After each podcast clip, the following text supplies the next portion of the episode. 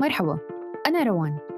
عم تسمعوا بودكاست هذا حقي اللي بنتعرف فيه على حقوقنا الأساسية بصفتنا أشخاص عايشين في الأردن. في هاي الحلقة بنستكمل الحديث عن الأحداث في القانون الأردني وهالمرة حوارنا مع الأستاذة لبنى القدومي المستشارة في مجال حماية الطفل لتحكي لنا عن الأحداث المحتاجين للحماية والرعاية.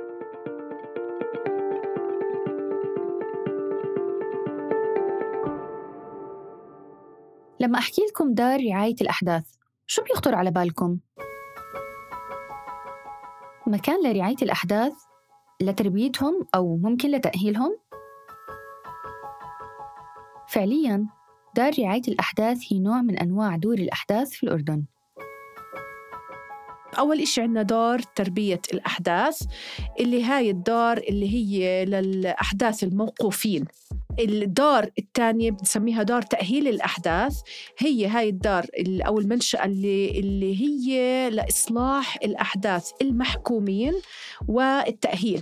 فأول وحدة للموقفين ثاني وحدة للتأهيل اللي هي اللي بصيروا الأحداث وقتها محكومين فهي لدار للتربية والتأهيل.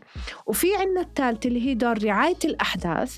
هي هاي الدار اللي لإيواء الأحداث اللي بيكونوا محتاجين للحماية والرعاية ولغايات التعليم والتدريب التدريب طيب كيف بيحدد القانون إنه هذا الحدث محتاج للحماية والرعاية؟ هل في حالات معينة؟ قانون الأحداث الأردني آه، فصل مجموعة من الحالات اللي هي وقتها فعلا بنقول عن هذا الطفل أو الحدث هو محتاج للحماية والرعاية واحدة منها إذا كان آه، هذا الحدث تحت رعاية شخص غير مؤهل للعناية فيه. فقد يكون هذا الشخص غير المؤهل اللي هو المناط هو تربيته اللي هو مثلا معتاد الإجرام إدمان على السكر مواد مخدرة أو عنده قضايا لها علاقة بإنحلال أخلاقي أو, أو ارتكب جريمة أدين فيها بجرائم مخلة آه، أيضا إذا قام بأي أعمال تتعلق بالدعارة أو الفسق أو إفساد الخلق أو القمار أو أعمال غير آه، مشروعة آه، إذا كان الحدث ما عنده محل مستقر أو كان ببيت آه، في الطرقات إذا كان بائع متجول أو عابث في النفايات إذا كان معرض لخطر جسيم إذا ضل في أسرته. أو تعرض أيضا لإيذاء مقصود من والديه أو أي منهم أو أو الموكل له رعايته آه، بشكل بتجاوز كل مسألة آه، ضروب التأديب اللي ببيحها العرف العام. من الحالات الأخرى اللي يعتبر فيها الحدث محتاج للحماية والرعاية لو ما عدى عمره ال 12 سنة وارتكب جنحة أو جناية أو عمل خلافاً للتشريعات النافذة. بس مين اللي بيقيم الحالة وبيقرر لو الحدث فعلا محتاج للحماية والرعاية؟ هلأ فنيا اللي بيعمل دراسة الحالة بيعمل التقرير التقييم مراقب السلوك الأخصائي الاجتماعي بيعمل كل هاي التقارير بيزور الأسرة بيعمل مقابلة مع الطفل بيعمل مقابلة مع ولي أمر الطفل ممكن يروح على المدرسة كل هاي التفاصيل بيعملها الأخصائي الاجتماعي ومراقب السلوك هلأ بنقول مراقب السلوك لأنه هو اللي ورد بالصف بالصفة هذه الشخص اللي بيمثل آه، أمام محكمة الأحداث واللي هو تقاريره معتمدة لقاضي الأحداث وشو الخطوة اللي بتيجي بعد انتهاء التقرير؟ هلأ لما مراقب السلوك بيدرس حالة الطفل من كافة نواحيها بيعمل تقرير. بآخر هذا التقرير في بند اسمه التوصيات. فهو هاي التوصيات تستند لكل الوقائع والوصف اللي قدمه المراقب السلوك والأخصائي فيما سبق الظروف العائلية الاجتماعية التاريخ العيلة كل هذه التفاصيل. القاضي يطلع على التقرير يطلع على قاضي الأحداث طبعا يطلع على التقرير يطلع على التوصيات بطلب أحيانا مقابلة الطفل العيلة آه، ولي أمر الطفل آه، أحيانا بيطلب مراقب السلوك بيسألوا على بعض الحيثيات. من يحق له إصدار القرار الأخير هو قاضي الأحداث.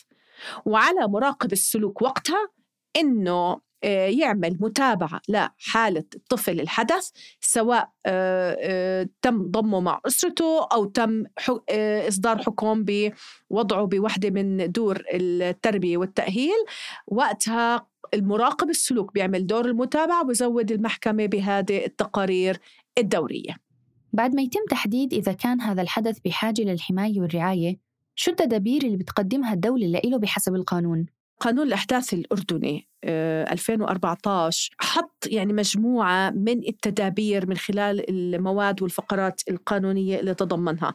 فمثلا مثلا عندنا المادة 36 في القانون ألزمت آه، مراقب السلوك إنه يعد تقرير حول أوضاع الحدث وظروفه اسرته بيئته الاجتماعية الاستماع للحدث والديه أو واحد منهم أو الوصي عليه أو الشخص الموكل برعايته قبل ما يتم اتخاذ تدبير للحماية. فهذا بحد ذاته كل مسألة تقدير ماذا يحتاج الطفل؟ ما هي عوامل الخطورة الأولية؟ ما هي الاحتياجات الأولية للطفل؟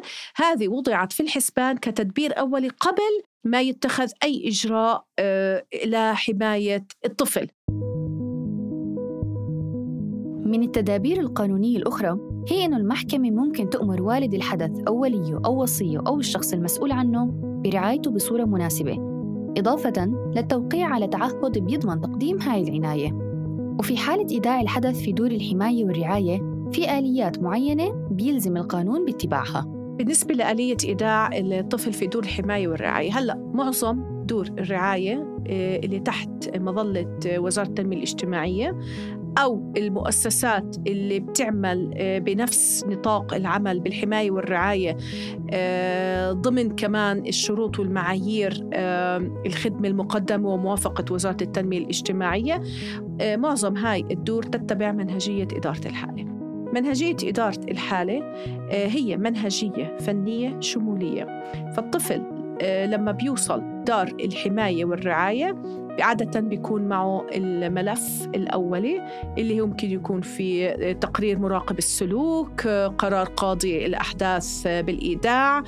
أحيانا بيكون في بعض الأوراق الثبوتية للطفل مثلا زي شهادة الميلاد أي تقرير طبي. وأحيانا بس بيكون في تقرير مراقب السلوك وقرار قاضي الأحداث بإيداع هذا الحدث.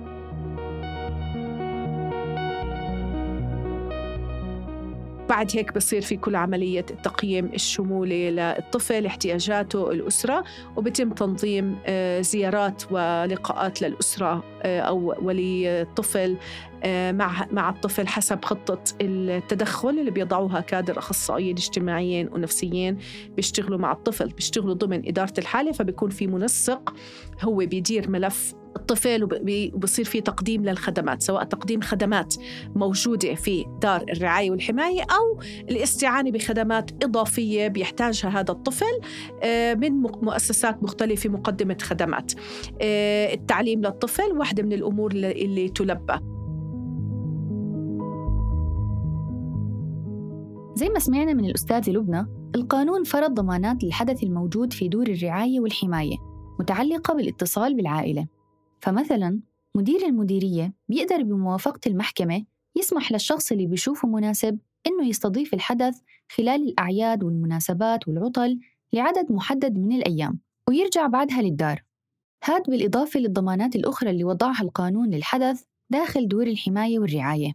فمثلا الإجازات آه، برامج التأهيل الوالدي آه، الزيارات الدورية. الرعاية اللاحقة. جميعها طلعت كضمانات من خلال أنظمة وتعليمات لحتى يتم التأكد والتأكيد على أهميتها أثناء وجود الحدث في دور الرعاية وينعمل هذا خلينا نقول إعادة الجسر والدمج ما بين الحدث والمجتمع ما بين الحدث وأسرته ما بين الحدث وبيئته الطبيعية. بنفس الوقت القانون وضع آه، ضمانات لها علاقة بالتعليم. وأشكال التعليم سواء التعليم الرسمي التعليم غير النظامي التعليم من خلال التدريب المهني. فهذه جميعها وضعت ضمانات لحتى نتأكد أنه الأطفال بيحصلوا على هاي الحقوق. هذه حقوق أصيلة. حتى المصروف الحدث آه، تم تنظيمه ضمن ضمن تعليمات موجودة. هاي الضمانات هي عبارة خلينا نسميها على على مستوى المظلة الواسعة اللي كفلها القانون بالتالي التنوع الخدمات بيجي من حاجة الحدث أو الطفل لنوع الخدمة. وشو تفاصيل هاي الخدمة ووقت أو مدة تقديم هاي الخدمة هنا وقتها تعتمد على خطة التدخل الشمولية اللي بيعملها منسق الحالة هو الأخصائي الاجتماعي مع مجموعة مقدمي الخدمات سواء كانوا بتقدم هاي الخدمات وزارة التنمية الاجتماعية أو مؤسسات شريكة بتقدم خدمات مختلفة صحية تعليمية تربوية ترفيهية وغيره. وأتاح القانون لمدير الدار اللي الحدث مقيم فيها؟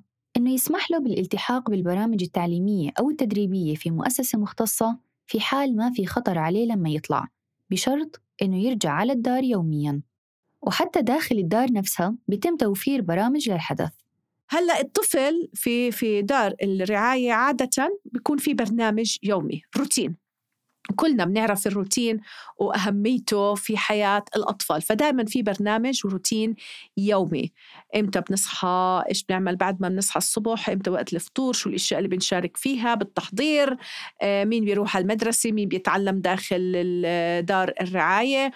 آه، برنامج بعد الظهر برنامج نهاية الأسبوع وما إلى ذلك. ففي قواسم مشتركة اللي هو البرنامج والروتين اليومي اللي هو خلينا نقول للاحتياجات العامة الاحتياجات الرئيسية لكل الأطفال وبنفس الوقت في خدمات أكثر محددة ومبرمجة خلينا نقول موجهة لكل طفل حسب نوع الخدمات. برامج آه، متخصصة لها علاقة برامج سلوكية نفسية.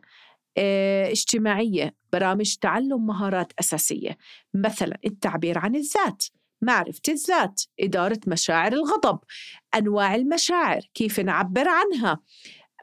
فأنا عم بحكي بس يعني بجملة من البرامج أو المهارات خلينا نقول اللي الأطفال لازم أو مهم إنهم آه، يتعلموها. آه، فهذه يعني خلينا نقول خدمات شمولية طبعا في في خدمات آه، صحية في خدمات تثقيفية في ترفيهية ففي برامج متنوعة وشمولية تقدم للأطفال داخل الدار واحيانا في برامج تقدم للأطفال وأسرهم وفي برامج تقدم عشان تعزيز الروابط الأسرية. يعني نفرض إنه أنا عندي طفلين موجودين أشقاء بس كل حدا موجود في دار رعاية. فكمان بيتم في عملية دمج للأشقاء والشقيقات بمناسبات معينة بأوقات معينة من السنة. لحتى نحافظ على هذا العلاقة الأسرية ومسألة الدمج الأسري. أما بالنسبة لخروج الحدث نهائيا من الدار فقانون الأحداث وضع بعض الشروط لإلها وحدد آليتها. إذا كان الإفراج عنه ما بيعرض حياته أو سلامته للخطر وهذه نقطة مهمة جدا. لازم نتأكد أنه فعليا شروط السلامة والحماية ما في خطورة. زالت عوامل الخطورة. وقتها فعليا القاضي تنفيذ الحكم بيقدر ياخذ هذا القرار. وبالإضافة أنه قاضي تنفيذ الحكم عادة بيعمل مراجعات دورية وتتبعية لدراسة تقارير مراقب السلوك لحتى يتأكد فعليا متى ممكن الإفراج عن هذا الحدث أو الطفل المحتاج للحماية والرعاية. أنا بستخدم مصطلح إفراج لأنه كل محتاج حماية ورعاية هو يا بدخل هاي الدار لأنه في قرار قاضي آه، أحداث. عشان الفكرة الأصيلة اللي, اللي الأردن بتبناها إنه آخر ملجأ لحماية الطفل إنك توضعه بدار الرعاية لتحميه فهو ملجأ أخير فلا بد أنه نكون متأكدين من الخطوات الأولى أنه هذا أفضل خيار وهو الحل النهائي. والأمر الآخر عندما تتوفر الأسرة البديلة أو الأسرة اللي قائمة على رعاية الطفل آه، آه، بتمشي بالتدخلات السليمة وخطة التدخل اللي تم وضع الخطة على أساسها آه، بالإضافة أنه بطل في خطورة أو عوامل الخطورة زالت المحيطة في الطفل فأفضل خيار وقتها إرجاع ودمج الطفل لأسرته الأصلية أو الأسرة اللي راح تكون ترعى هذا الطفل.